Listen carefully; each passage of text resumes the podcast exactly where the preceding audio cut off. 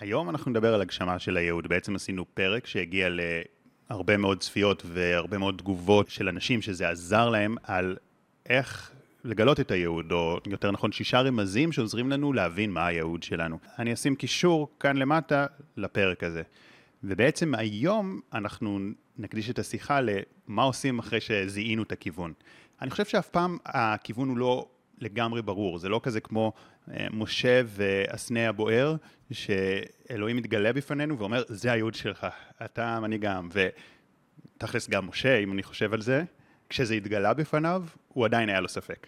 זאת אומרת, אז אפילו אם אלוהים בכבודו ובעצמו יבוא ויתגלה בפנינו, כנראה שעדיין אולי יהיה לנו ספק האם זה באמת הייעוד שלי. אז בהנחה אבל שכן אנחנו מבינים פחות או יותר מה הכיוון שלנו, אז איך, איך יוצאים לדרך? כי אני מניח שגם הרבה מהגילוי של הייעוד הוא תוך כדי תנועה. נכון, אני ממש אוהבת את מה שאמרת עכשיו, וזו נקודה ממש ממש חשובה, שעוד לפני שלב ההגשמה חשוב שרגע נתעכב עליה.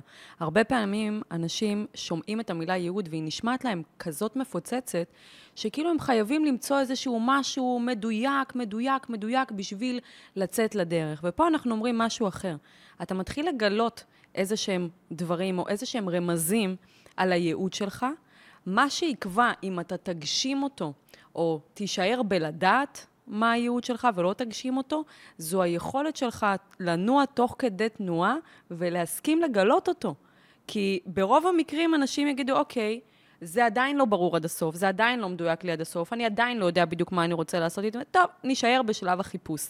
ושלב החיפוש זה שלב אחד, ושלב ההגשמה זה שלב אחר, וזה שתי פעולות שונות לגמרי, זה שני צורות חשיבה שונות לגמרי, ומה שאתה אומר הוא מאוד מאוד נכון, כי, כי מה שאתה אומר זה, רגע, אתה לא צריך באמת לחכות לדבר המדויק, מדויק, מדויק של מה הייעוד שלך או מה השליחות שלך בשביל לצאת לדרך. Mm-hmm. once גילית קצת מהרמזים, תן לדרך קצת להראות את עצמה, תן לדרך לכוון אותך, כי מה הכיף בלדעת את כל המשחק? מה הכיף בלשבת ולראות משחק כדורגל שבסוף אתה יודע איזה קבוצה תנצח? האם זה יהיה, זאת תהיה אותה חוויה?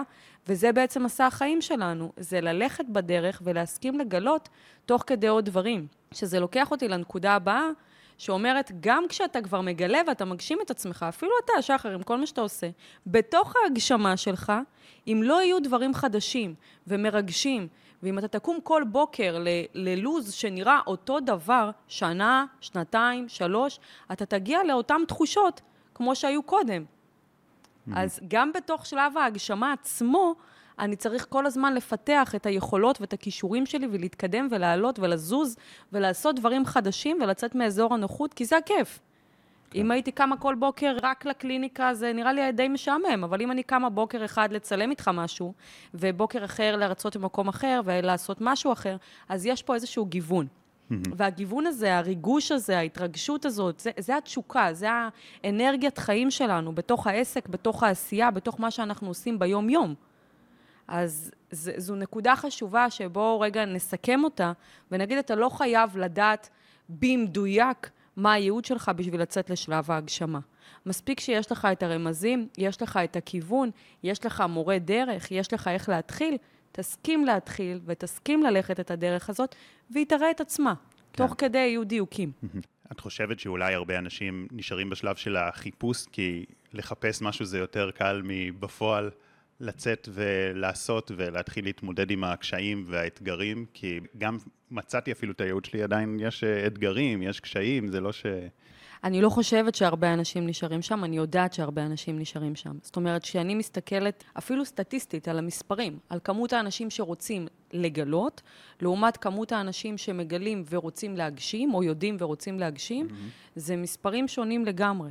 זאת אומרת, קורה לנו משהו בין שלב הגילוי לבין שלב העשייה בפועל. Mm-hmm.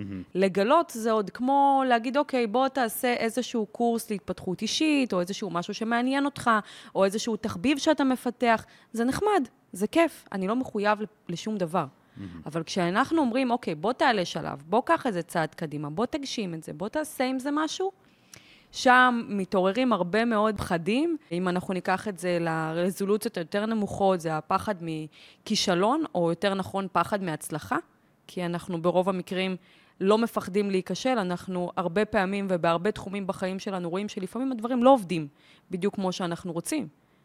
אבל בשלב הפחד מהצלחה, זה פחד שמלווה בשורש שלו עם פחד מאחריות, עם פחד ממחויבות, כי אם אני יודע שעכשיו אני לוקח את המשמעות שלי ואני מבטא אותה הלכה למעשה בעולם החומר, אני מוריד את זה מהרוח לחומר, לפרקטיקה, לבוא נבנה תוכנית, ובוא נבין מה אתה עושה ברמת היום-יום שלך, ומה המטרות שלך, ומה היעדים שלך, ולכמה אנשים אתה רוצה להגיע, ועל מי אתה רוצה להשפיע, ובאיזה צורה, שם הפחדים צפים. אז הפחד הוא לא פחד מכישלון, הוא פחד ממה יקרה אם זה יצליח. זה ידרוש ממני יותר, אולי זה ייקח לי את החופש, אולי זה ייקח לי את הזמן עם הילדים ואת האימהות שלי, mm-hmm. אולי זה יפלוש לי לתוך הזוגיות שלי, אולי זה ייכנס לי לתוך המרחב הפרטי שלי, אולי אני אצטרך לעשות הרבה הרבה הרבה הרבה פעולות, ו- ולא כל כך בא לי לעשות אותן כרגע, אז הפחד מהמחויבות והפחד מהאחריות מאוד צפים בשלב ההגשמה. כן. גם כשהבן אדם לא יודע להגיד אותם uh, בצורה מפורשת. וואי, הייתי ממש רוצה שנתעמק בזה, אבל קודם חייב להגיד, עלתה לי איזושהי מטאפורה, שאני חושב שגם הזכרתי אותה בפרק הקודם שעשינו, שבעצם אה, מציאת ייעוד זה קצת מזכיר מציאת זוגיות. גם בזוגיות אה, יש אה, הרבה בני או בנות זוג שיכולים להתאים לנו, לא בלי סוף, אבל כנראה יש יותר מאחד. אבל איך אתה בוחר את האחת? כן, וזה בסוף הרבה יותר מה שאנחנו עושים בתוך הזוגיות מאשר המציאה. עניין של אמונה, אני לפחות מאמין ככה. ההשקעה שלנו בתוך זה, והמחויבות, והאהבה שאנחנו מכניסים, אז אנחנו לא מתחילים מאוהבים ביום הראשון. אולי יש איזו הידלקות, אבל זה לא אהבה. אותו דבר המשמעות של ייעוד משמעותי, זה, זה לא נבנה ביום, זה מתוך ההתמסרות שלנו לזה. אבל חשבתי עכשיו על המטאפורה הזאת בהקשר של גם בזוגיות, הרבה הרבה יותר אנשים מחפשים איך למצוא זוגיות, מאשר איך... אה, להפוך זוגיות לטובה יותר ומאושרת. כי אמרת, ואני סומך עלייך כי את בתחום הזה, ואת מלווה אנשים, שהרבה יותר אנשים מחפשים את ה... איך למצוא את הייעוד, זה כאילו שאלה מאוד מאוד אה, לחוצה, כמו ש... את רואה, אנשים שהם לא בזוגיות הם באטרף למצוא זוגיות, והם אה, ממש יקדישו את אה, כל משאביהם לעשות את זה, זו תהיה המטרה הכי חשובה שלהם. אבל אחר כך כשנכנסים לזוגיות, אז זה פתאום הופך להיות מטרה משנית בחיים. לא לכולם, אבל להרבה אנשים. זה כאילו סימן טבעי, ועכשיו בתוך הזוגיות אני כן. כבר פחות מתמסר, אני פחות משקיע, אני לא מבין שזה תהליך של עבודה. כן, זאת אומרת, זה, שזה קורה להרבה אנשים, ואז בעצם את אומרת, אותו דבר קורה עם הייעוד שלנו, אנחנו חושבים שזה רק למצוא אותו, ואז אני אמצא את הדבר שסבבה לי, שכאילו שזה הדרך שלי, ואז אוקיי, אני אוכל להתפנות לדברים יש אחרים. יש פה עוד נקודה מעניינת. כי כשאנשים מגלים את הייעוד אצלי, מה שקורה זה לא מהשכל, זה לא מההיגיון, זה לא שאני עושה שאלון ואחרי מאה שאלות אנחנו נגיד איזה תחומים מתאימים לך, כי ייעוד זה גם לא רק בתחום הקריירה, אבל זה כבר לנושא אחר.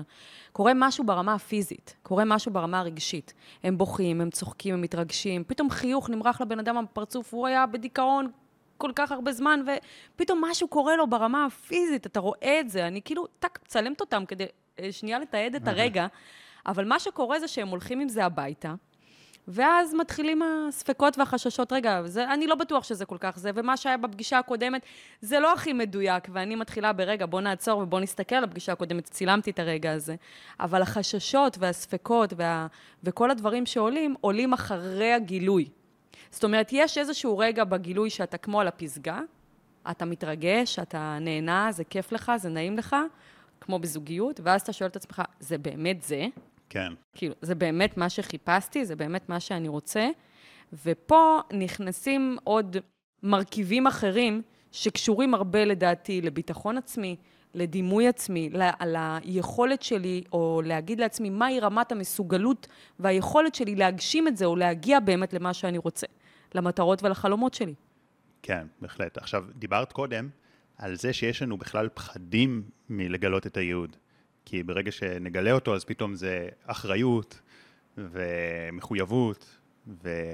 זאת אומרת, באמת צריך להתמודד עם אתגרים גם. וגם הפחד מזה שאני אגלה את הייעוד, הרבה פעמים מה שקורה, זה שאם אני אגלה את הייעוד, אני אגלה דבר אחד. ואולי לא בא לי להיות כן. הדבר הזה. זאת אומרת, זה גם הפחד ממוות של אפשרויות חיים אחרות. כן. כן, שהן לא באמת ש... קיימות, כן? זה אשליה, כי אה, כמו שאמרנו קודם, הייעוד מתפתח. האמת שזה שוב הקבלה מאוד יפה לזוגיות, כי גם הרבה אנשים ב... בפורמו בתוך עולם הרווקות והדייטינג, כשאני נכנס לתוך זוגיות מסוימת, זה מנתב את החיים שלי בצורה מאוד מאוד חזקה. זאת אומרת, הבן אדם שאני, כשאני מתחתן עם לנה, זה אומר שהחיים שלי יהיו אחרים מאשר אם הייתי מתחתן עם מישהי אחרת. וייעוד זה, זה גם, זאת אומרת, אני מניח שאם הייתי בוחר תחום עיסוק שונה לגמרי, הייתי בן אדם אחר. זה מצד אחד לבחור את הבן בן אדם שאני, אבל זה גם במרכאות מוות של הרבה אפשרויות חיים אחרות. אני מאוד מסכימה איתך, אבל מצד שני, אני אומרת, כל האפשרויות נכונות וכל התשובות נכונות.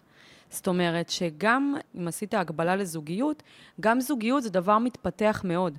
זאת אומרת, הגבר שאני התחתנתי איתו והאישה שאני הייתי mm-hmm. שם, זה לא דומה לגבר שיש לי היום עם האישה שאני היום בתוך הזוגיות. זאת אומרת, יש פה תהליך של התפתחות, של התמסרות, של מחויבות, כן. של, של לעבור איזושהי דרך ביחד, כי מי שאתה היום זה לא מי שתהיה בעוד עשר שנים, לא ברמת כן. הרצונות שלך, לא ברמת הצרכים שלך, גם מהזוגיות. Mm-hmm. אז היכולת שלכם להתפתח בתוך זה, זו גם היכולת שלך ושלה להיות פתאום גם זה וגם זה וגם זה, ולהביא כמו את, את, אני אתן לזה רגע הגבלה קיצונית, זה כמו להביא את כל הנשים שחשבת עליהן ולהתחתן עם כולם, אבל בעצם להתחתן עם אחת. זאת אומרת, לאחת הזאת יש את האפשרות ואת היכולת להיות כמה וכמה נשים בתוך הסיבוב חיים הזה, בתוך הזוגיות הזאת. וזה את אומרת את זה בהקשר של הייעוד שלי. גם שם. הייעוד שלי יכול לבטא בעצם הרבה ערכים, הרבה כישרונות שלי. בוודאי. אתה יודע מה, אני לוקחת את זה רגע לדוגמה הכי פרקטית של היום.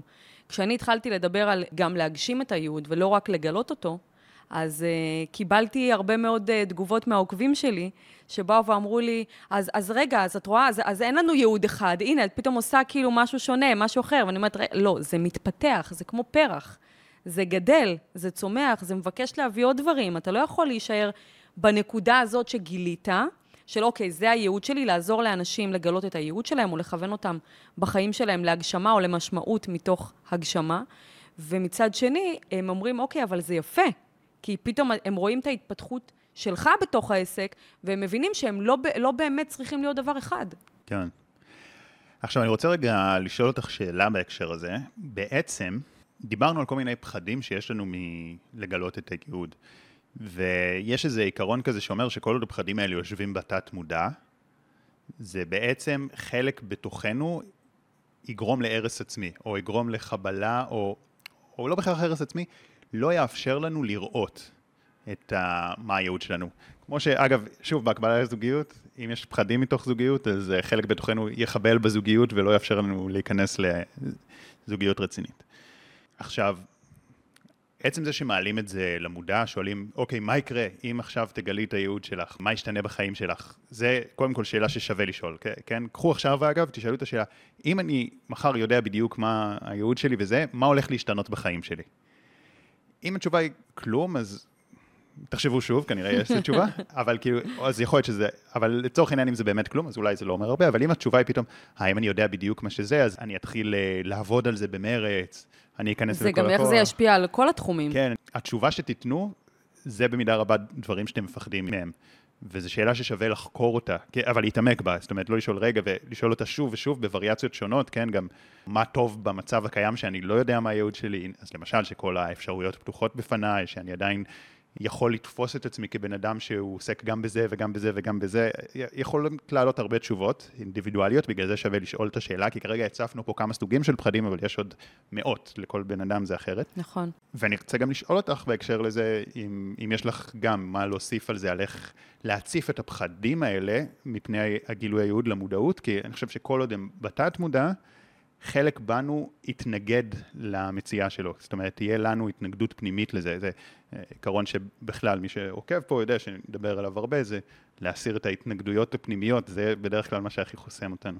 בדרך כלל יש אה, שני צירים שאנשים נעים עליהם, וציר אחד זה ההימנעות מכאב, וציר אחד זה העתיד שאני כן רוצה. לראות אותו. והשאלה שאתה שאלת פה היא שאלה שדווקא מביאה את העתיד. אוקיי, אני אגלה את הייעוד שלי, מה ישתנה בחיים שלי. ואז אני מסתכל על מה שישתנה בחיים שלי, ואני אומר, אוקיי, האם יש פה איזה שהם פחדים מלהגיע לזה? נגיד ועכשיו ידעתי.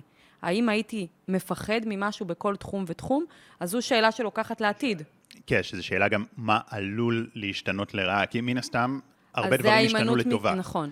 הרבה דברים השתנו לטובה, וזה יופי, אבל אני דווקא רוצה להציף את הפחדים. כי הפחדים האלה הם לא מודעים, וכל עוד אבל הם קיימים, אז חלק בתת מודע שלי יתנגד לגלות אותו.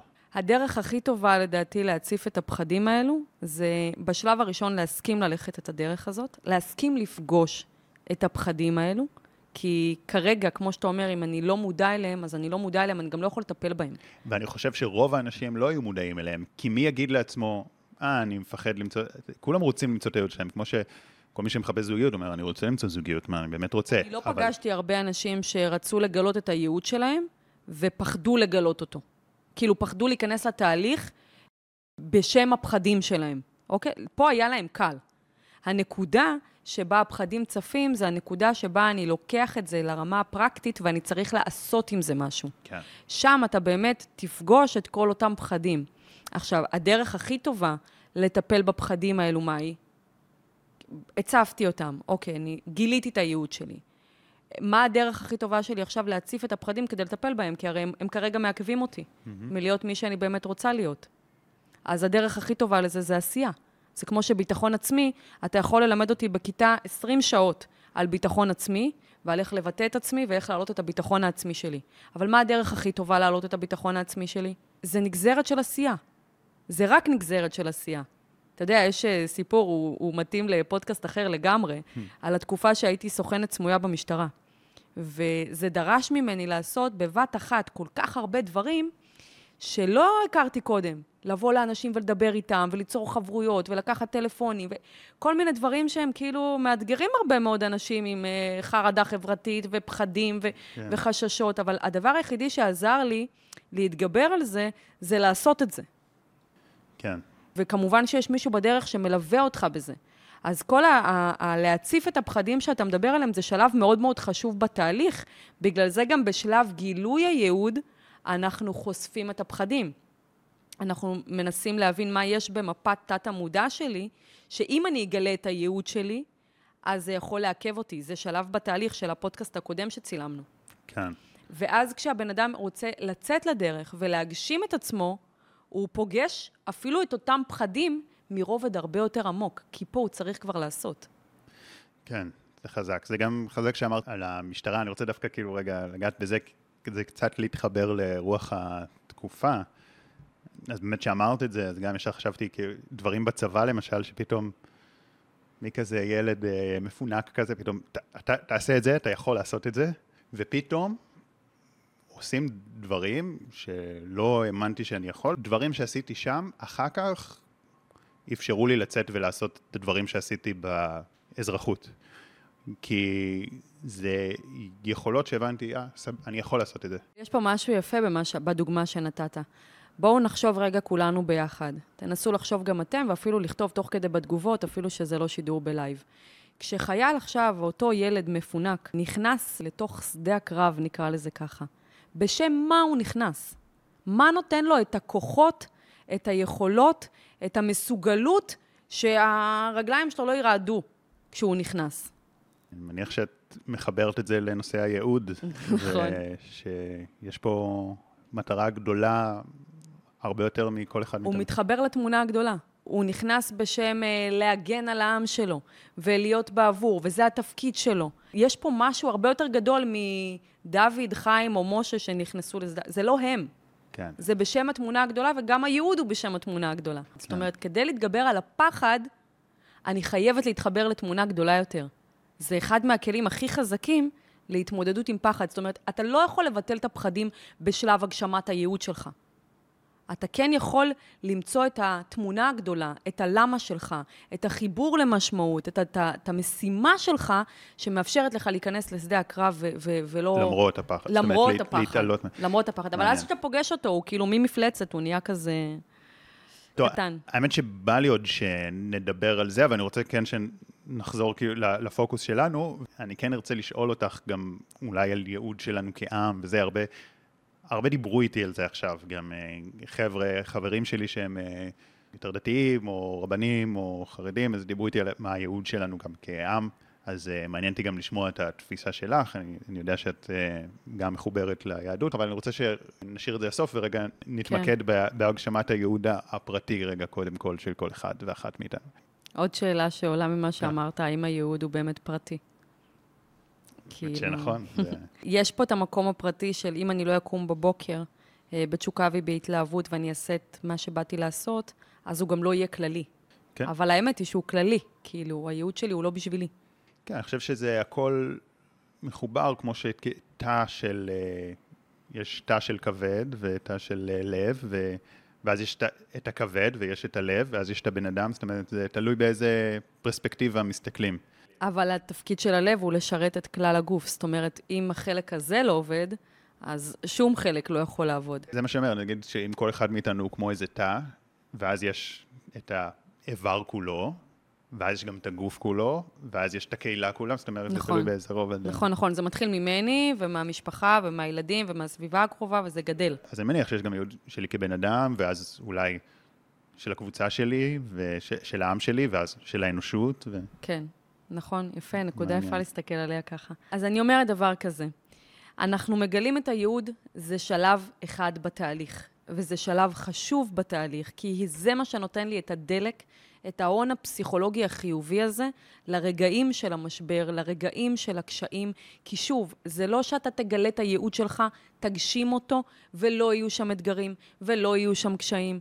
הם עדיין יהיו, פשוט יהיה לך הרבה יותר דלק פנימי אנרגיה פנימית, בעירה פנימית, לטפל בזה, לפתור את זה ולהתקדם הלאה. לעומת אם אין לי את זה. לכן חשוב לעשות איזושהי עשייה או עסק שמחובר לייעוד שלי, הוא מחובר למשמעות שלי ולמה. הסיבה הראשונה זה שרוב שעות היום שלנו אנחנו נמצאים בעשייה. אנחנו נמצאים בעבודה. אבל כשאני מגשים את עצמי, אז אני לא עובד יותר יום אחד בחיים שלי. כי יש פה כבר משהו, איזושהי אנרגיה פנימית שמניעה אותך. אני יכולה לעשות כל היום דברים בתוך העסק ולא לשים לב שלא אכלתי, אבל אני גם לא רעבה. זאת אומרת, קורה פה משהו ברמת האנרגיה הפנימית. ברובד השני, כשאני יוצאת להגשים את הייעוד ואת השליחות שלי, ואני מתחברת ללמה הגדול שלי או לייעוד שלי, אז מגיע גם השלב הפרקטי, שהרבה פעמים אנשים מפחדים ממנו. השלב הזה של לקחת את זה ולהפוך את זה לעסק, ולהפוך את זה לעשייה יומיומית. ופה דווקא הייתי לוקחת את זה אליך, שחר. יאללה. לא ציפית. נו. כשאתה התחלת, מהמם. במקום ללמד את זה, אנחנו פשוט נתרגל את זה, זה נראה לי יהיה יותר מגניב.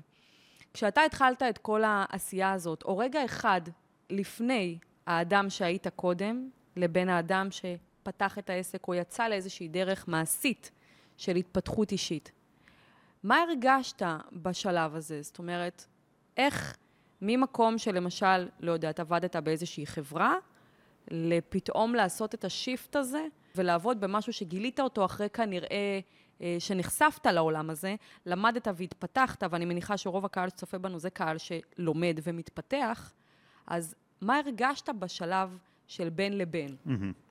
תראה, אני חושב שלא היה לי רגע אחד דרמטי שבו היה שיפט מ-0 ל-1. זו הייתה התפתחות הדרגתית. היו כמה נקודות של החלטות משמעותיות. יש כמה נקודות של החלטות יותר דרמטיות שקיבלתי. אבל בסופו של דבר זה היה איזה משהו שהתפתח והתגלגל. כן, אני חייב להגיד שהיה לי חזון. בסופו של דבר הוא דומה במידה מסוימת למה שקרה עכשיו, האמת שזה מלפני כמעט עשר שנים או עשר שנים, אני אולי צריך לעשות שוב לעשר שנים קדימה, הגיע הזמן. היה לי איזה חזון, אבל לא באמת ידעתי איך אני אתגלגל, וזה באמת, דברים בסופו של דבר התגלגלו, ידעתי את הכיוון שלי, אבל uh, לא היה לי מושג כ- כ- איך באופן ספציפי יותר זה הולך לקרות.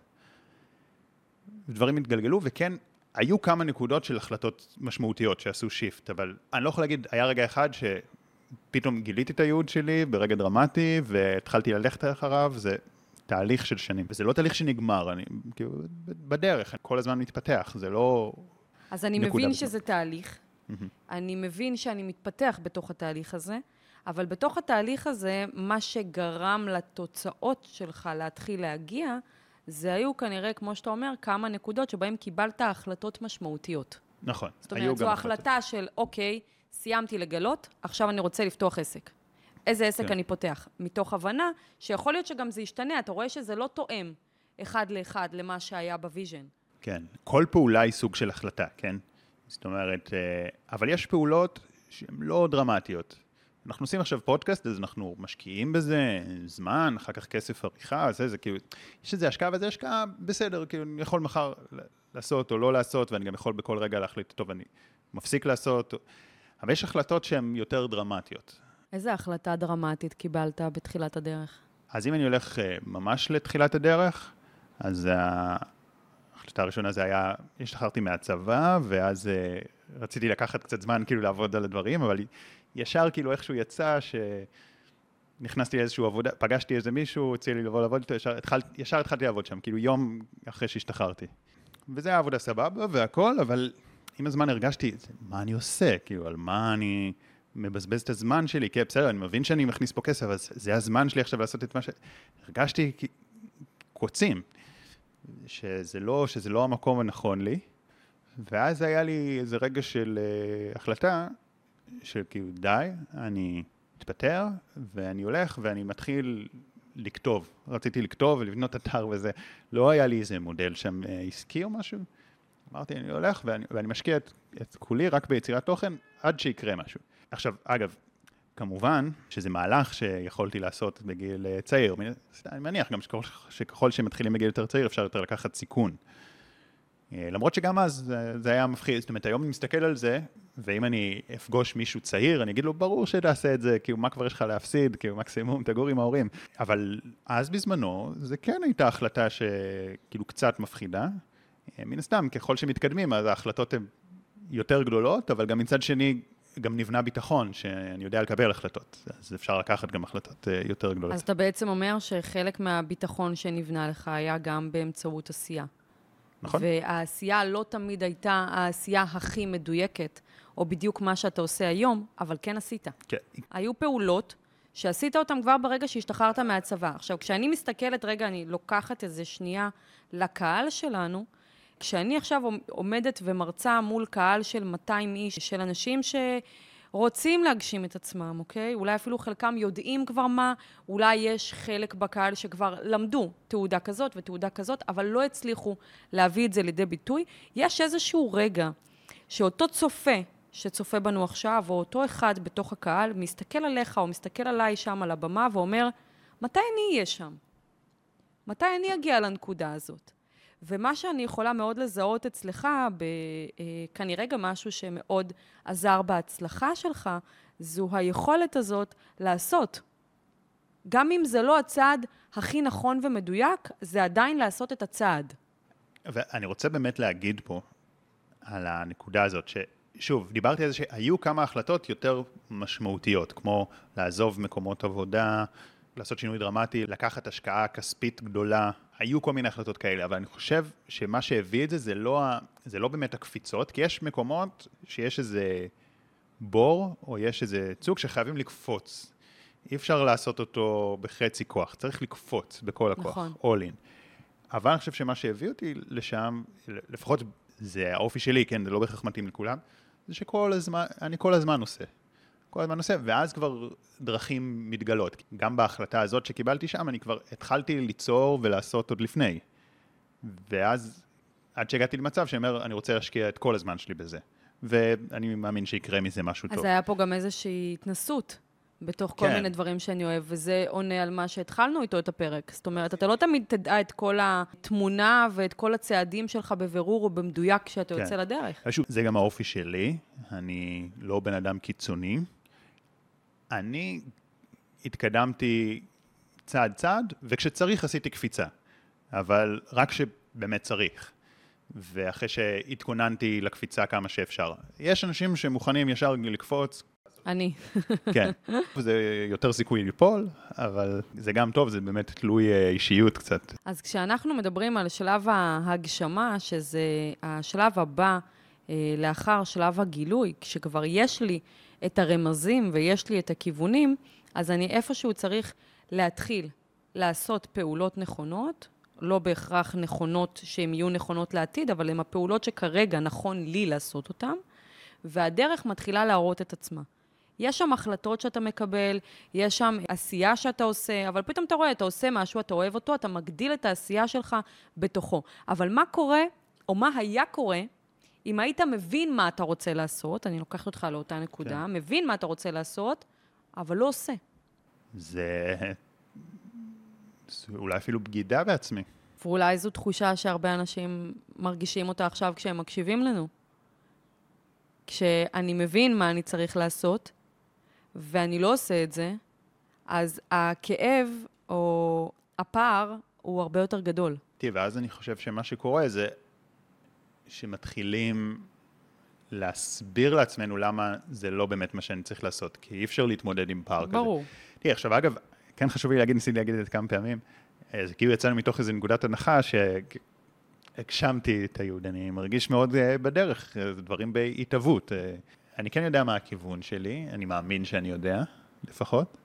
מן הסתם זה דברים בהתהוות.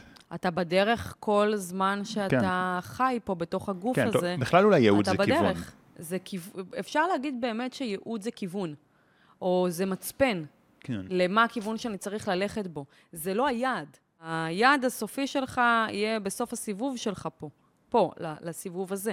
אבל כל עוד אתה אה, חי ואתה בדרך לשם, אז הייעוד שלך מהווה עבורך מצפן לכיוון שאתה צריך ללכת אליו. ו- וברגע שאתה מסכים לעלות על הנתיב הזה, שנקרא הייעוד שלך, כי נתיב זה שונה מדרך, דרך זה יותר דרך ציבורית לכולם, נתיב זה יותר משהו ייחודי לי, אז אני הולכת לכיוון המצפן הזה, אז אני גם סקרנית לגלות דברים שיקרו שם, ואני מתרגשת uh, לפגוש אנשים שלא פגשתי קודם, ולשנות את הסביבה ולפתח עסק, אבל בואו רגע ניקח את זה שלב אחד קדימה. מה קרה לך ברגע שהתחלת את העשייה המשמעותית הזאת שלך? מה קרה לך ברמה האישית? עוד מעבר לעשייה העסקית, כי הרבה פעמים אנשים חושבים או מסתכלים על עסק כמקור לפרנסה, כי זה מה שלימדו אותנו, אוקיי? קודם כל תתפרנס, אבל ביחד עם התתפרנס, מגיע במוח שלנו פחד ומאמץ וקושי ואיזשהו הכרח, כאילו, אני צריך להתפרנס, כי צריך להתפרנס. אבל כשאנחנו מדברים על ייעוד או על עשייה מתוך משמעות, או על עסק שהוא מתוך משמעות, אנחנו מדברים על משהו אחר לגמרי. אני לא חושבת שיש פה הכרח או, או מישהו ש, ש, שבבוקר אומר לך, קום, שחר, אתה חייב לציין את הארבע פרקים שתכננת להיום. יש לך פה הרבה יותר גמישות, יש לך פה הרבה יותר יכולת לנוע בתוך מה שאתה רוצה או בתוך מה שאתה מרגיש, מאשר אם היית באיזשהו מסלול חיים קבוע ורגיל. Mm-hmm. אז השאלה היא, בתוך ההגשמה שלך, בתוך העשייה שלך היום, מה בעצם מאפשר לך להיות שם ואיך, לאיזה בן אדם זה הופך אותך להיות. זאת אומרת, מתוך כוונה של מה העסק נתן לך ברמה האישית, לא רק כעסק. כן, טוב, זה קשה לענות על זה, מכיוון שאני לא יודע איך הייתי אם הייתי בעסק אחר. אז אני לא יודע איך זה שינה אותי, וגם מגיל מאוד צעיר עשיתי את זה, אז בכל מקרה האישיות התעצבה, אז, אז קשה לי לענות על השאלה הזאת, אבל בהקשר לדברים שאמרת, אני... כבר ענית כן... עליה. אמרת אישיותי התעצבה. כן. זה לא משנה מה העסק. אבל למי כן, לא, זה אני, הופך אני אותי אומר, להיות? אני לא יודע מי הייתי אם הייתי בדרך אחרת, אני פשוט לא יכול לדעת איך זה שינה אותי. אבל אני כן יכול להגיד בהקשר של דברים שאמרת, שבאמת האנרגיה שלי ליצור, לעשות דברים, זה באמת אה, כיף, זאת אומרת, וגם כשזה לא כיף, גם כשזה טכני, מעצבן ותקלות, וזה תמיד, זה בכל מקום, יש, אה, כן, אני מנסה לשלוח, ויש איזו תוכנה שצריך להשתמש בה, או אתר שזה לא עובד, ומן הסתם זה לא הרגעים הכיפים, אבל יש את האנרגיה, יאללה, כאילו, לפתור את זה ולעשות את מה שצריך, ואם זה... לשבת ולכתוב דברים ולהכין תכנים, אז כן, מבחינתי גם בלילה וגם בכל שעה זה, זה סבבה. אני פשוט לא חוויתי משהו אחר, אבל אני יודע שהרבה אנשים, או רוב האנשים לא ככה, זאת אומרת שהרבה אנשים גם בבאסה מעבודה. אני משער שזה לא עניין של ה... יש לי יותר משמעת עצמית, אלא עניין של בכיוון נכון, ואז אני, זה נותן את הכוח להתמודד גם עם uh, קשיים. אולי, אבל אני לא באמת יודע, כי אני לא... עשיתי ניסוי על עצמי. אבל עצם זה שפיתחת יכולות מסוימות והתגברת על אתגרים מסוימים שהיו בדרך, אפילו בצד הפחות כיפי של העסק, היה משהו ברמת התמונה הגדולה של למה אתה עושה את העסק, ולמה אתה עושה את מה שאתה עושה, ואז גם את היכולת לפתור את אותם אתגרים. זאת אומרת, ברגע שאני מחליטה לקחת את הייעוד שלי, או את השליחות שלי בעולם, וזו החלטה, קודם כל זו החלטה. להפוך את זה לעסק, להפוך את זה לעשייה יומיומית, אם אני אסתכל על זה כעסק שטחי, ללא משמעות, ללא רוח חיים, יהיה לי מאוד קשה לעשות אותו.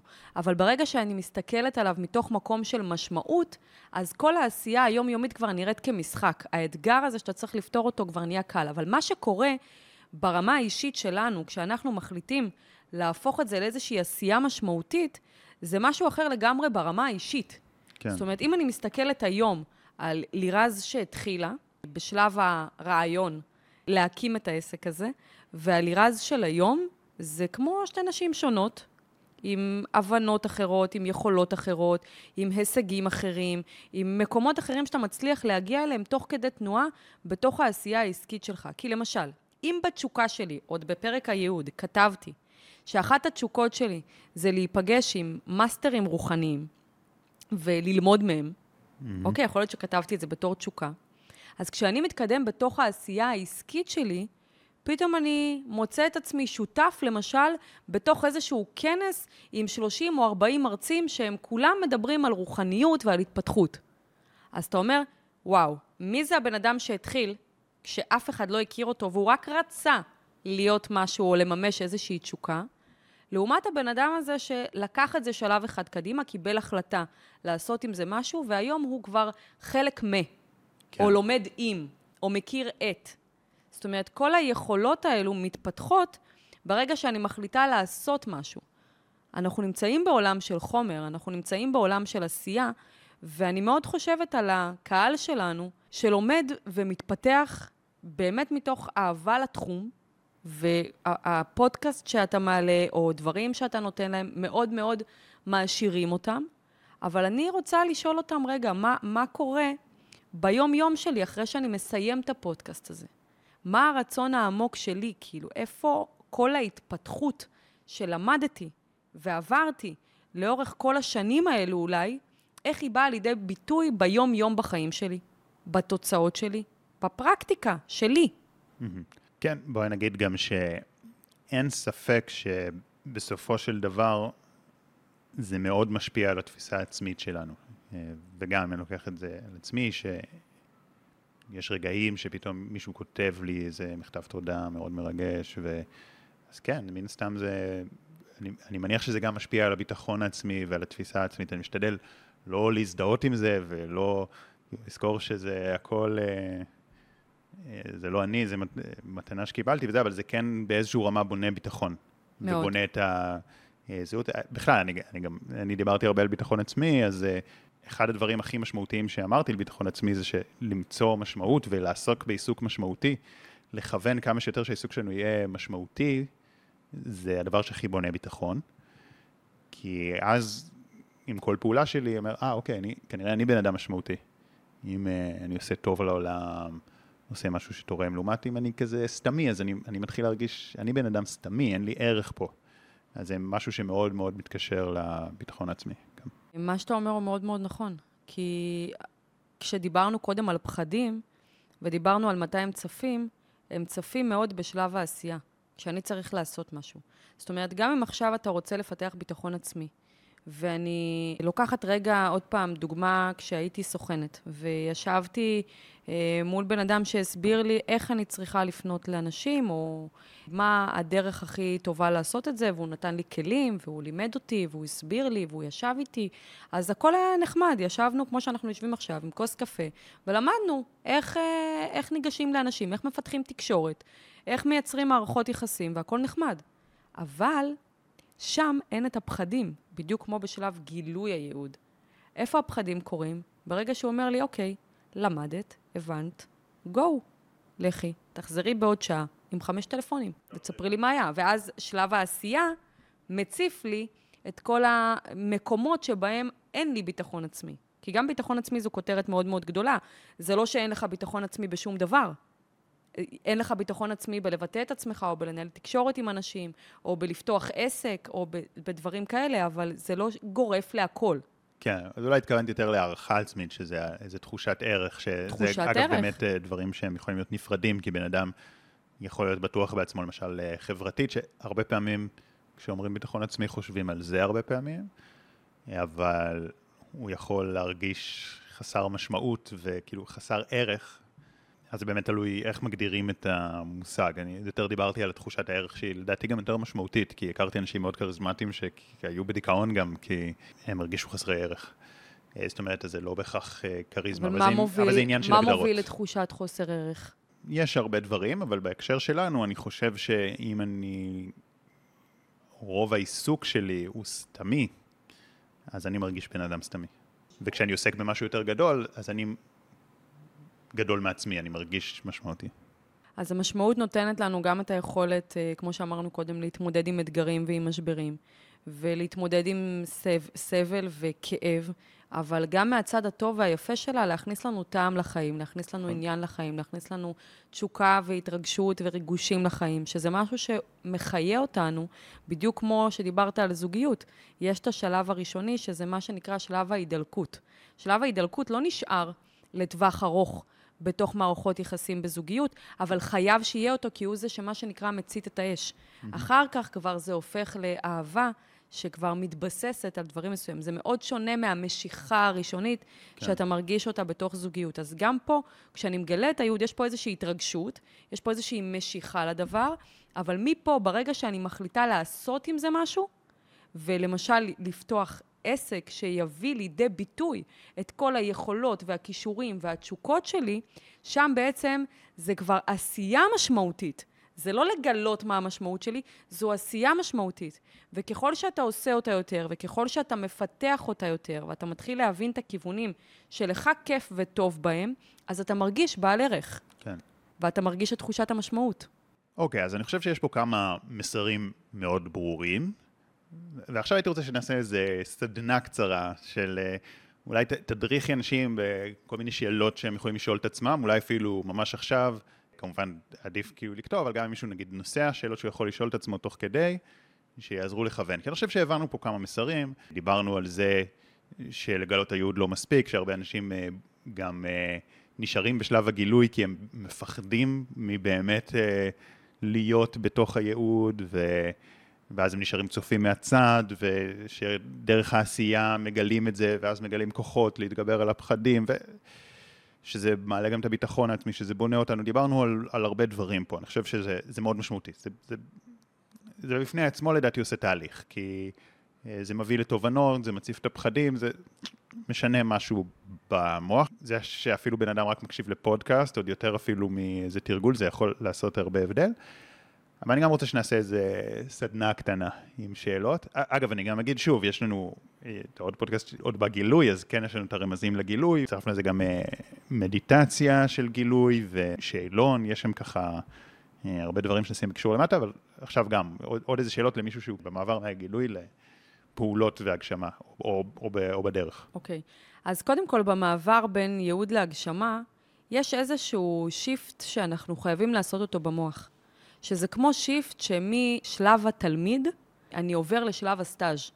אני צריך להתחיל לקבל החלטות ולעשות עם זה משהו. זאת אומרת, יש איזושהי נקודה מאוד מאוד חשובה עבור כל אחד שצופה בנו בפודקאסט הזה, שעבורו היא הנקודה החשובה, וזו נקודה שאומרת, עכשיו אני עוצר את הלמידה, לא בגלל שאני עוצר אותה, אני אמשיך ללמוד, אבל עכשיו אני רוצה ליישם את מה שלמדתי הלכה למעשה, וזו כבר קבלת החלטה. אז השאלה הראשונה היא, האם כרגע אני מרגיש שאני יכול לקבל החלטה לעבור לשלב ההגשמה?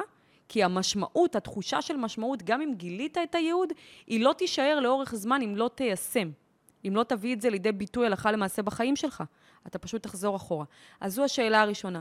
וברגע שאני אומרת, אוקיי, אני מסכימה לסיים כרגע את השלב של הלמידה, ולעבור מה שנקרא לשלב העשייה בפועל. בשלב הזה התחילו לצוף פחדים. האם אני מאמין בעצמי? האם אני מסוגל שאני יכול להפוך את זה לשלב הזה? מהם הדברים שצריכים לקרות כדי שאני אצליח להפוך את זה לשלב הזה? ושימו לב, יש פה איזושהי מלכודת, הרבה פעמים המלכודת יכולה להיות, רגע, אבל אני רק צריך ללמוד גם את זה, רגע, אני רק צריך ללמוד גם את זה וגם את זה, ואז, ואז בעצם אני אוכל... לא.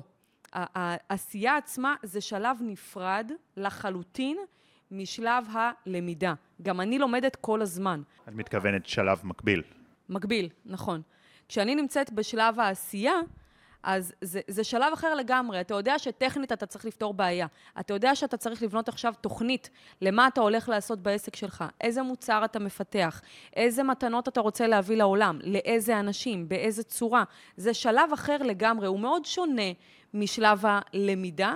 וזה בסדר לעשות את שני השלבים במקביל. זאת אומרת, להמשיך ללמוד, אבל גם לפתח. זה מה שיצמצם את כן. הפער בין המקום שאני נמצא בו לבין המקום שאני רוצה להיות בו. כן. אז זו נקודה אחת שהיא מאוד מאוד חשובה. וברגע שאני מבין את זה, אני אומר, אוקיי, איך אני עושה עכשיו את המעבר הזה משלב הגילוי ומקבלת ההחלטה, קיבלתי החלטה, once קיבלתי החלטה להפוך את זה לעשייה עסקית למשל, איך אני עושה את זה? פה המוח הולך לכיוונים שהם מאוד שונים. זאת אומרת, אם עד היום הקשבתי רק לתכנים של uh, התפתחות אישית על כל גווניה, עכשיו פתאום אני צריכה קצת להקשיב לאנשים שעושים את זה, הלכה למעשה. אז זה כבר איזשהו כלי שאני יכול להתחיל לשמוע ולראות מה, מה אני לומד משם. אז אני אעקוב אחרי אנשים שעושים בפועל את מה שאני רוצה לפתח, אבל אני מבין שזה שלב אחר. עצם ההבנה שזה שלב אחר, שיש בו פעולות אחרות, צורת חשיבה קצת שונה, אבל עדיין עם אותה מטרה שמחוברת למשמעות שלי. זאת אומרת, כשאני פתחתי עסק, הייתי צריכה לעשות כל מיני פעולות שנראו לי בהתחלה טכניות וסתמיות ומשעממות, ולא בא לי לעשות אותן. מה שנתן לי את היכולת לעשות אותן בצורה הכי טובה שיש, ולהיכנס, מה שנקרא, למגרש של הגדולים, זה לראות את התמונה הגדולה של המשמעות והשליחות שלי. להבין שהדרך הכי טובה שלי לבטא את השליחות הזאת, זה פשוט לתת את זה לעולם. עכשיו, רוב האנשים נותנים את זה לעולם, אבל הם נותנים את זה לעולם לא בצורה של עסק ולא בצורה שהם נכנסים all in לתוך הדבר הזה.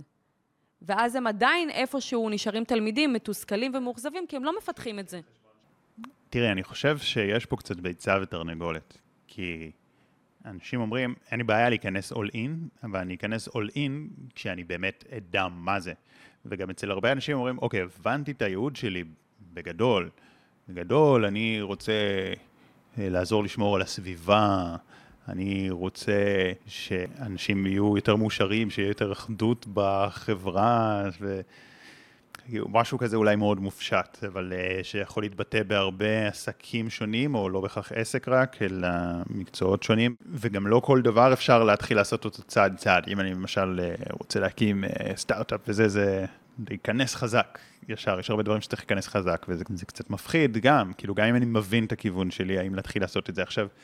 אני לא הייתי רוצה שניכנס עכשיו יותר מדי לרזולוציות, איך לבנות תוכנית ואיך כי זה פשוט כל כך שונה לכל אחד ואחת נכון, מהמאזינים שלנו. אז נכון. יש פה נכון. אנשים פה שהם מטפלים, ויש פה אנשים שהם בהייטק, אז... אה, אבל אפשר לחלק את זה לשני חלקים מרכזיים, שיכולים מאוד לעשות סדר למאזינים שלנו.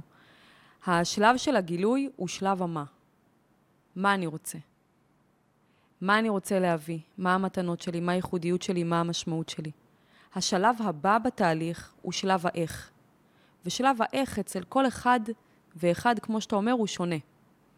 אז כשאנחנו מבינים, או יש לנו רמזים למה המה שלי, אז השאלות הבאות שאני צריך לשאול את עצמי, זה שאלות שקשורות לאיך. איך אני רוצה לבטא את זה? באיזה צורה אני רוצה לבטא את זה? כמה אני רוצה לבטא את זה? איפה אני רוצה לבטא את זה? למי אני רוצה להשפיע? כמה אני רוצה להשפיע? זאת אומרת, שם אנחנו נלך יותר לאיך. ואז בעצם אנחנו מבינים שיש פה שני שלבים מרכזיים, שלב המה ושלב האיך. אבל אני לא יכול להישאר בשלב המה. כן, את אומרת צריך לעבור לשלב האיך לפני שסיימתי את שלב המה. זה בעצם אולי המסר המרכזי שלך לפרק הזה, אפשר להגיד, לא? כן, אבל זה לא לפני שסיימתי את שלב המה, זה להבין ששלב המה הוא שלב מתפתח. כן, זאת אומרת, לא לפני כן לעשות שם את העבודה ועם כל הרמזים וזה, אבל הכוונה לא לצפות שתהיה תשובה סופית ופשוט לצאת לשלב האיך כמה שיותר מהר. יכול להיות שתהיה תשובה סופית, אבל התשובה תשתנה גם בשלב האיך. ברגע שאני מבין מה המה שלי, זה יכול להיות מה אני רוצה כרגע. זה לא אומר שהמה הזה לא יתפתח. זה לא אומר שהוא לא ישנה כיוון. כמו שאתה אומר, זה מצפן. זה נתיב כן. שאתה הולך בו. יש פה כל מיני מסרים בפרק הזה, אבל אם אני מבין ממך, כאילו, המסר הכי חזק אולי זה פשוט, תתחילו לצעוד, צאו לדרך, צאו לדרך, צאו לדרך, תתחילו תוך כדי עשייה. נכון. זאת אומרת, זה, זה אולי המסר הכי חשוב. זה המסר הכי חשוב. ותציפו את הפחדים, כי הם אה, חוסמים אתכם, ותעשו משהו, כל דבר. קשה לכם לעשות משהו של all in, אין בעיה, תתחילו משהו קטן יותר. כל דבר שיביא תנועה. ומה אם בן אדם כבר בתנועה לכיוון כבר במשך שנה, שנתיים, שלוש, הוא בתנועה, אבל עדיין זה לא זה. אם הוא מרגיש שזה לא זה, אז יש שם איזה שהם דיוקים נדרשים. אז מתוך כל מה שאני עושה, אני אעשה רשימה של כל הדברים שאני עושה, ואני אנסה לראות איפה רמת האנרגיה שלי הכי גבוהה, התשוקה, המשמעות. עוד פעם, נחזור לרמזים. כן. כל הדברים האלה, ושם אני אגביר עשייה, ובמקומות שהם פחות, אני אנמיך. זה נגיד מפה מעניינת, זאת אומרת, אני עושה את שלב המה, שזה הרמזים, כן, למשל, נתת דוגמה לרמז, איפה אני נהנה בעשייה, אני עושה את זה, ואז אני מתחיל לעשות פעולות בכיוון, אני מתחיל לקדם את האיך כמה שיותר אה, חזק, אבל בקצב שנכון לי, אם אני יכול אולין, אולין, אם, אם לא, אז גם פעולות. או שזה תופס, אם זה לא תופס, אז אני חוזר שוב לשלב המה לדייק. נכון, נכון. אבל ברגע שאתה כבר מתחיל לעשות, אז גם שם הדרך מאוד מדייקת את עצמה. כן, נכון. גם אם עלית על איזשהו מוקש או על איזשהו נתיב שהוא פחות נכון לך, אתה מיד מרגיש את זה. זאת אומרת, אתה כבר נמצא בשלב הזה במודעות מאוד מאוד גדולה למי ומה שאתה. ואתה לא יכול לזייף את זה. כששאלת אותי עליי, אז הרגשתי שאני לא יודע אם נתתי את התשובה שציפית לקבל, אני לא יודע אם ציפית לקבל תשובה, אבל אני חושב שזה בדיוק מה שעולה פה עכשיו. אני, שאמרתי, היו לי החלטות חזקות, אבל רוב הדרך, רוב הזמן זה לא החלטות חזקות, אלא זה התקדמות, מתגלה עוד דרך. כאילו אבל לי- מה שהיה חשוב לי להראות פה זה שהיו לך החלטות. כן, חלקם היו דרמטיות יותר, חלקם היו פחות, אבל אנחנו יכולים לדבר גם על אנשים שלא מחליטים. לא הייתי יכול להגיע להחלטות האלה אם לא הייתי מתקדם. זה נגיד אם אני מדמה את זה לנסיעה ברכב, אולי אפילו נסיעה בחושך. אז uh, לנסוע בחושך, וכל פעם מתגלה עוד 100 מטר ועוד 100 מטר ועוד 100 מטר, ולפעמים מגיעים לצומת, שצריך רגע להבין, רגע, אני ממשיך uh, ימינה או שמאלה? אבל רוב הזמן זה פשוט לנסוע, בכלל כדי שאני אוכל להגיע לצומת. להיות בתנועה. כן, זאת אומרת, כי בכלל כדי להגיע למצב שאפשר לקבל החלטה משמעותית, להגיע לצומת צריך קודם להגיע אליה. נכון. שוב, דיברנו פה על הרבה דברים, אבל uh, אני אוהב את זה שזה לא המסר היחיד, כן? יש פה עוד הרבה מסרים, כאילו הרבה על התת-מודע ועל פחדים וזה, אבל שמתוך ככה כל המומנטום שבנינו בפרק הזה, יש מסר אחד סופר ברור ו- ופשוט, ושאנשים ידעו אותו, אבל אולי עכשיו אחרי שהם שמעו את זה ואחרי שדיברנו, זה באמת יגרום להם לקרות. ואם כן, תאמיני לי, זה יותר חזק מ- מכל סדנה שאפשר לעשות, כי זה באמת המעצור. טוב, אני רוצה, כן, אמרתי שאני אשאל אותך משהו ככה ברמה יותר אה, של העם והקהילה. איך את רואה את אה, הייעוד שלנו כעם? וואו, זו שאלה ענקית. אני יכולה להגיד שאני המון אה, זמן כבר בתוך עולם הקבלה. אני באופן אישי לא מתייחסת לקבלה כדת, אלא כ... כמו ספר חוקים, והחוקים הם פשוט עובדים. וכשניסיתי להסתכל על התקופה הזאת, אגב, שאנחנו עוברים אותה, ממש עכשיו שאנחנו מצלמים את הפרק הזה, אז עולות הרבה שאלות, כאילו, איך, ואיך זה יכול להיות, ואיך זה יכול להיות, ואיך, כאילו, אם יש פה משהו באמת הרבה יותר גדול. ופשוט התחלתי לחקור את זה לפי הפרשות. הפרשות שבוע הן לא פרשות שבאות לספר איזשהו סיפור היסטורי. כן. אם התורה הייתה יכולה, היא פשוט הייתה ספר חוקים, אוקיי? אבל מאוד קשה לשבת עם, זה כמו המשפטנים שיש להם את הספר של... זה כן. מאוד קשה לש- לשבת עם ספר כזה וללמוד אותו. אז התורה מעבירה באמצעות סיפורים את כל מה שאנחנו עוברים כאנושות וכעם. אוקיי? אז למשל, בפרשה אחת לפני האחרונה, שהייתה פרשת נוח, אז היה שם אה, צונאמי גדול של מים, וכאילו כולם טבעו, ורק נוח עם התיבה, והחיות ניצלו. כאילו, בגדול נשמע איזה סיפור כזה מאוד, מאוד אה, אה, תלוש, כאילו, כשאתה מסתכל ואתה לומד אותו כסיפור. אבל כשאני מסתכלת על אה, אה, ייעוד, אני מבינה שיש פה חוקים. והחוקים עובדים. הם עובדים בין אם אתה רוצה ובין אם לא. כעם וכמדינה, הייעוד שלנו הכי גבוה הוא להיות באחדות. אני מסתכלת על זה כמו כד, שכולנו זה הכד הזה, ודמיין שהכד הזה, אני משליכה אותו על הרצפה והוא מתנפץ לאלפי רסיסים. וכל אחד מאיתנו הוא רסיס מהכד הזה. עכשיו, החוויית חיים שלנו פה היא חוויית חיים של מאוד נפרדות. כאילו, כל אחד יש את הגוף שלו, ואת הבית שלו, ואת הסביבה שלו, ואת הדברים שהוא... צ- אוקיי? אבל ההבנה הגבוהה יותר בייעוד שלנו כעם, זה להבין שכולנו חלק מ. כולנו חלק מהשלם הזה. וכל פעם שאנחנו חווים חוויה של נפרדות, אנחנו מתרחקים מהייעוד ומהשליחות שלנו. אז אם אני מסתכלת עלינו כעם, יש לנו אה, מאוד לא טבעי, למשל, לאהוב מישהו אחר, ולפרגן למישהו אחר, ולעשות דברים שנראים לך כאילו הם, הם מאוד מנומסים, אבל מאוד קשה לנו לעשות אותם. זאת אומרת, יש פה איזושהי התגברות על-טבעית, שעליה מבוססים בעצם כל החיים שלנו. Mm-hmm. אז אם אני מסתכלת אה, ומסכמת בהבנה שלי את הייעוד שלנו כעם, זה באחדות שלנו, זה בכוח של הביחד שלנו, זה בלקחת את כל השברים ולאחות אותם לחזרה לכד השלם. ומפה גם אנחנו נכנסים לייעוד, כי הרסיס שאתה והרסיס שאני לא משלימים את אותו חלק בכד. אז זה בסדר לקבל את השונה, וזה בסדר שאתה שונה ואתה לא כמוני, וזה בסדר שאתה לא חושב כמוני, אבל אני עדיין אשב איתך על אותו שולחן ואשתה איתך כוס קפה. ואני לא אגיד, אני פה לא יושבת. אז ב... אני חושבת שאם אנחנו מסתכלים גם על תקופות שונות בחיים שלנו כעם, אנחנו יכולים לראות שבסוף הכל הגיע לשם. הכל הגיע לאחדות. הכל הגיע לביחד. והמשפט היחידי שאנחנו כל הזמן נמצאים תחתיו זה ואהבת לרעך כמוך. אני מבינה שאתה שונה ממני, אבל זה עדיין לא אומר שאני לא אוהבת אותך.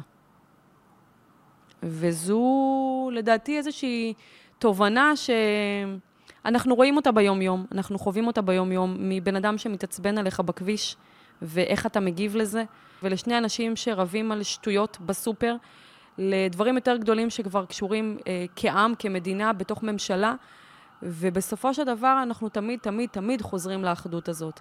ותמיד אנחנו מקבלים איזושהי כאפה כדי להבין שהכוח שלנו הוא באחדות שלנו. קיבלנו את זה בצורה של אה, מחלוקת ובצורה של אש, אבל הדבר היחידי שעוזר לנו להתמודד עם זה, זה החיבור לאור, ולהבין שהאור הרבה יותר חזק מהחושך, כי גם אם תיכנס לחדר חשוך לחלוטין, ותלחץ על המתג, החודש, החושך לא יגיד, רגע, שנייה, אני הייתי פה קודם, אני לא הולך. הוא ילך, ומה שיהיה זה יהיה אור. אנחנו נמצאים בתוך חוויית אשליה שהחושך הרבה יותר חזק, אבל זו לא האמת. והיכולת שלנו זו להבין שזה לא האמת ולגלות אור מתוך החושך כל הזמן, גם בסיטואציות הכי קשות, בתוך הבית שלנו, בתוך הזוגיות שלנו, עם הילדים שלנו, במקומות ש... זה היום-יום שלנו, לא צריך ללכת רחוק למדינה ולמה קורה כעם. ביום-יום שלנו, כמה אנחנו מסוגלים לאהוב, להיות באחדות, לראות את הזווית של הצד השני ולגלות אור מתוך החושך, מה שנקרא בעצור תגובה ותגיב מהאור. עצור תגובה ותגיב מהאור. זו היכולת היומיומית שלנו, זה מה שאנחנו צריכים לעבוד עליו. ולדעתי כעם, זה מה שאנחנו הכי טובים בו. זה מה שהוכיח את עצמו מאז שאנחנו מתהלכים פה. Mm-hmm. לירז, אז אני אשים למטה גם קישור לפרק הקודם שלנו, ויש שם גם מדיטציה לגילוי ייעוד, וגם אה, שאלון שאמרת אפילו שמי שממלא אותו יכול לעשות איתך איזושהי פגישה לדיוק הייעוד.